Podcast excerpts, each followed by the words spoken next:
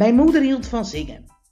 Ze kende de bij de deuntjes en wijsjes behorende teksten uit haar hoofd en tijdens het doen van haar werk galmde zij als oprechte Noordwijkse nachtegaal haar levensliederen door het huis. En s'avonds bij de afwas probeerde ze mij in een nooit aflatende, maar even zo mislukkende poging de tweede stem te laten zingen.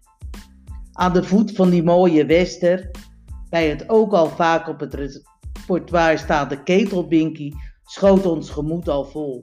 Bij het met 1, 2, 3 in godsnaam vooruitlopende op de smart van die straatjongen uit Rotterdam, die zijn moeder zo miste. Had ze veel zin in extra lawaai, dan werd vader Jacob ingezet of de uil zat in de olmen. Waarbij het op het einde onvermijdelijk verkeer door elkaar roepen van koekoek, koekoek, ontaarde in een gierende lachbui. In het groene dal, het stille dal, groeiden kleine bloempjes, waarna Ik hou van Holland gezongen werd, vanaf de blanke tot de duinen. Zeemansliedjes in potpourri waren ook favoriet. Op het strand stil en verlaten, als de klok van Arnhemuiden. Zeeman, o zeeman, op de sluizen van Emuiden. En elk lied kreeg zijn eigen anekdote.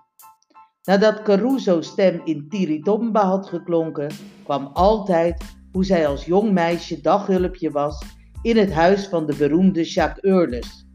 En ze luid zingend stof afnam van de kast waarin de prille uitvinding was verborgen waarmee de menselijke stem op wasrollen kon worden vastgelegd. De zenuwen had ze gehad bij het idee dat in plaats van de stem van de artiest haar huishoudelijke klanken eruit zouden schallen. Na Lou Bendy's Het meisje met het blauwe hoedje kwam het verhaal van het uitje dat ze in haar verlovingstijd met vader maakte naar zomerzorg in Leiden. Tijdens het optreden daar van de beroemde voordrachtskunstenaar lonkte hij bij het zingen van het couplet voortdurend naar het met een blauw hoedje gesierde lieve toetje van mijn moeder. Bij die herinnering kregen haar ogen ondeugende glimmertjes en keek ze mijn vader plagend aan. Vader revancheerde zich onmiddellijk door te zeggen dat die Lou Bendy maar een gewone leienaar was en dat zijn zuster met een Noordiker getrouwd ergens bij de Achterzeeweg woonde.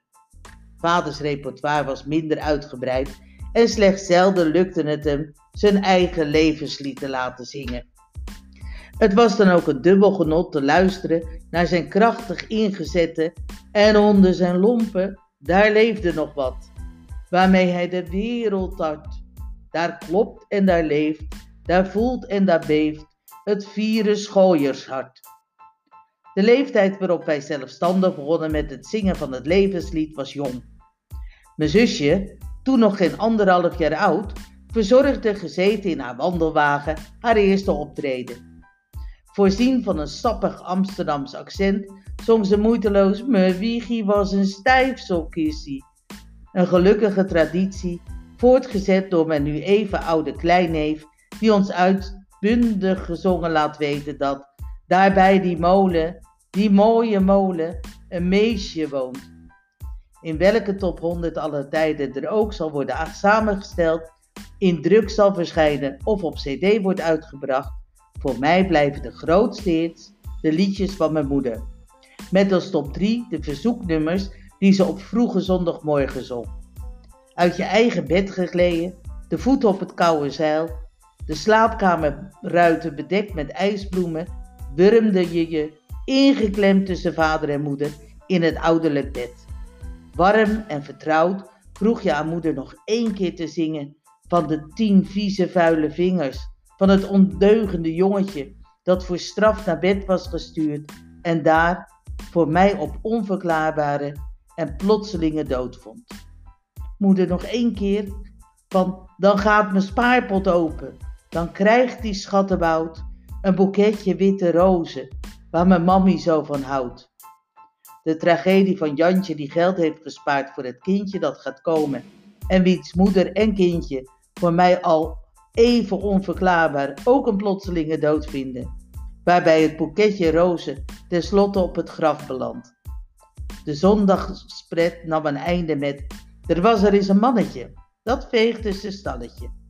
Het epos van een plotseling verkregen rijkdom, die dus niet loont en eindigt met de angstaanjagende beweging van het plotseling wegschietende varken. Zo klaar wakker geworden, werden we al stoeiend uit bed gezet en het, er kwam een einde aan het liedje van verlangen.